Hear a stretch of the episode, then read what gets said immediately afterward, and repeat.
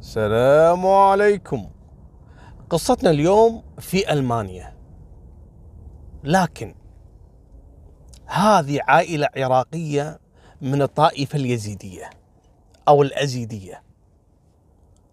هاجروا من العراق إلى ألمانيا في بداية التسعينات.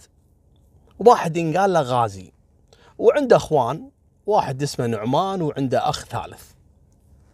المهم هذا غازي عنده بنت ينقال لها شيلان. والثاني أخوه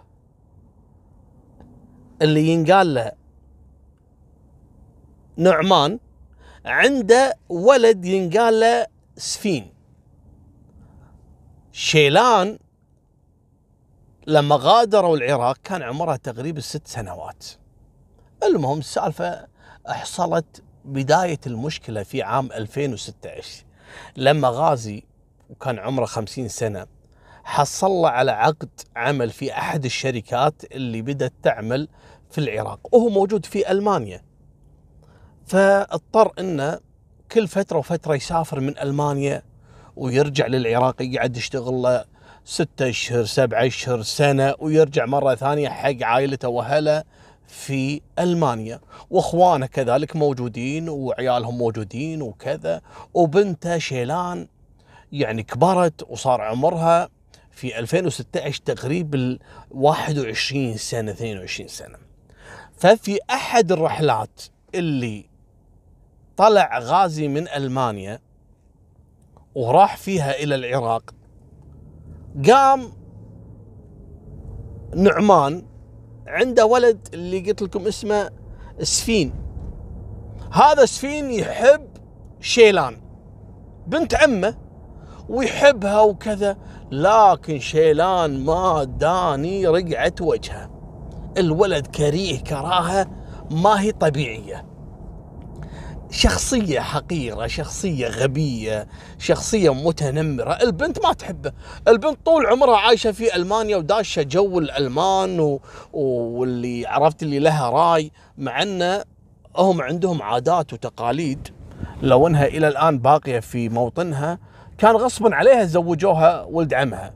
في ذاك الوقت أنا أقصد. لكن بما أن البنت يعني خلاص طول عمرها عايشة في ألمانيا ومختلطة بالعالم وفي الجامعة وكذا تقول لا أنا ما راح أتزوج ولد عمي. شلون وكذا ويضغط عليها عمها اللي هو نعمان. واستغل أن اخوه غازي أبو شيلان رايح للعراق ومطول ممكن يقعد له سبع أشهر ثمان أشهر. المهم ذاك اليوم ويسوي عشاء اللي هو نعمان. طبعا كله بضغوطات من ولده سفين. ولده عمره 22 سنة. مسوين عشاء وعزموا والحريم كلهم وأهلهم وجماعتهم. ونعمان عزم أخوه الثاني وعيال أخوه والتموا. ويقوم يعلن نعمان خطوبة سفين على شيلان بنت غازي. وأبوها ما يدري مسكين موجود في العراق. والبنت أصلا ما تحبه. انصدمت البنت. قال لها يلا قومي. طبعا نعمان هذا على بانه مسيطر على العائلة كلها وكان مأمنه غازي على بنته وعلى بيته يعني بما إن هذاك بيسافر العراق وهذا أخوه. فنعمان قال حق البنت شان قومي يلا. قالت شنو؟ قال وقفي هني. تعال يا اسفين مبروك عليكم. يلا لبسها الدبلة أو يسمونها النيشان في العراق. البنت صدمت وكذا الموضوع صار فجأة. قامت البنت مسكينة تدق على أبوها في العراق. يا يبا صار كذا فكني منه وأنا ما أبيه. وشلون هذول يعني يخطبوني ويعلنون ويلبسني الخاتم قدام الناس وأنا ما أدري عن الموضوع ولا أصل راضية. وأنت ما تدري؟ قال والله أنا ما أدري. ما يخالف يا شيلان أنا راح أرجع وراح أتفاهم مع أخوي يدق علي تليفون. قال ما ينفع الكلام هذا. ترى هذه مجرد خطوبة. لما نجي أتفاهم ويا أخوي وإن شاء الله نحل هالموضوع. وفعلا وتحمل شيلان مغثة ولد عمه سفين بالموت. يا الله عدت هالأشهر على جية أبوها. أبوها من غازي راح كلم أخوه نعمان. قال له يا نعمان هذا خاتمكم. والبنت لا هي تبي تتزوج ولا هي موافقة على ولد عمها والزواج ما هو غصب. وترى البنت لها راي. وإحنا ترى خلاص يعني عايشين في ألمانيا صار لنا الحين يعني سنين. شنو نظام العادات والتقاليد وانه غصب تز... ما في شيء اسمه غصب. يبا حتى العوائل والقبائل الحين ما قامت تفرض على البنت إلا شيء اللي يعني إذا موافقة موافقة. ما في شيء اسمه غصب. قال له ماشي ماشي. طبعا نعمان زعل. وقال حق ولده ولده سفين هذا قام يطير بالسماء ويشدخ في الأرض. شلون وما شلون وبنت عمي وأنا بيها؟ وتروح الأيام وتجي الأيام ومشاكل بين العائلتين وكل يوم الثاني شيلان تشكي حق أبوها من ولد عمها سفين وأبوها غازي يمسك سفين ويقعد يعطيه كلام وتحذير وابتعد يا ابن الحلال فكنا من شرك البنت ما تبيك. يا أخي شغلت بالي أنا وراي سفر بروح العراق بروح أشتغل وأجي يا أخي قطعت أرزاقنا أنت ما تفهم. يا أخي روح ألمانيا مليانة مليانة بنات شقر حمر صفر بيض سود. يعني ما ما جيت إلا على شيلان. قال إلا شيلان. ما كيفي؟ بنت عم.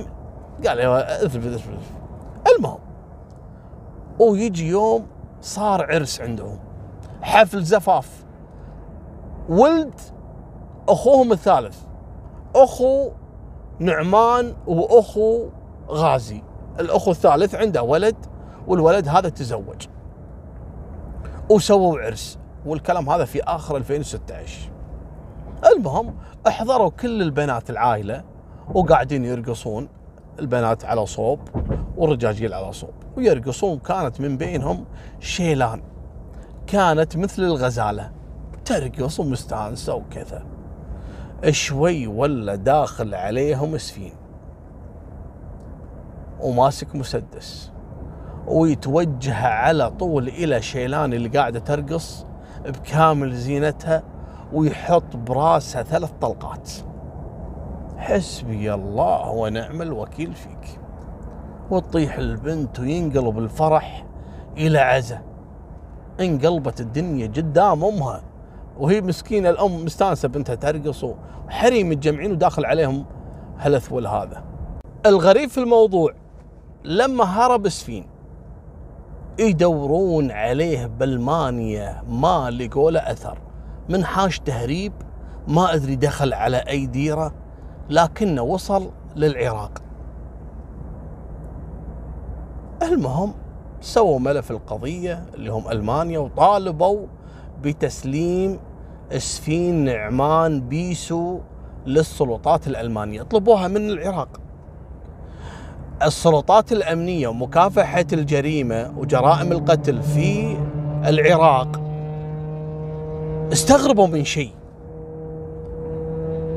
اسفين هذا كأنه فص ملح وذاب مع أنهم متأكدين انه موجود في العراق. لكن وين راح؟ ما حد عارف. أقلبوا عليه الدنيا ما خلوا أحد من أقاربه ما خلوا أحد من أصدقائه ما خلوا المناطق اللي مر عليها في حياته إلا فتشوها أكثر من مرة. الولد ما بين.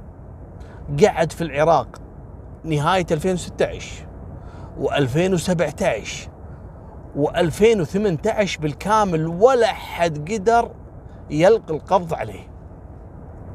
توقعوا ليش؟ وشلون اكتشفوا؟ أنا أقول لكم.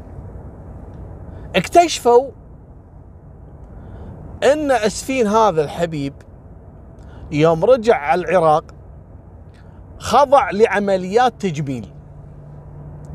وسوى يعني ما أدري شو مسوي. مسوي الظاهر آه آه، فيلر ومسوي تكساس ولا شو مسوي؟ ما والله أنا ماني عارف. نافخ شفايفه. هذا اللي مسوي نفسه إنه ولد قبيلة ولازم يتزوجها غصب ورا ذابح البنية. راح مسوي عمليه تجميل مغير شكله لدرجة إن رجال الأمن كذا مرة يوقفونه ويفتشونه ويسألونه أنت منو ويعطيهم هوية مزورة، ما عرفوا إن هذا المطلوب على ذمة قضية قتل وطالبين السلطات الألمانية، تصدقون؟ جننهم. إلى أن وصلت لهم معلومة إن هذا المزيون أبو عمليات تجميل هو نفسه أسفين اللي يدورون عليه ومسوي عمليات تجميل. ويلقون القبض عليه رجال الأمن في العراق. أعتقد منطقة اسمها دهوك. ويسلمونه للسلطات الأمنية في مدينة هانوفر الألمانية. وبالفعل تم محاكمته في أول درجة. احكموا عليه بالمؤبد. وإلى الآن درجات التقاضي لأنه مرة يلتمس ومرة ما أدري شنو قصته. بس أتمنى صراحة ان يتم تنفيذ حكم الإعدام مع أني ما أعتقد عندهم هناك آه، إعدامات موقفينها من زمان. لكن أقل ما فيه إنه ما يطلع يقعد طول عمره يخيس داخل هالسجن ونفتك من الأشكال القذرة اللي يعتقد إن الشيء اللي يبيه لازم يحصله حتى لو إنه يقتل نفس. وهذه نهاية سالفتنا. وفمان الله مع السلامة.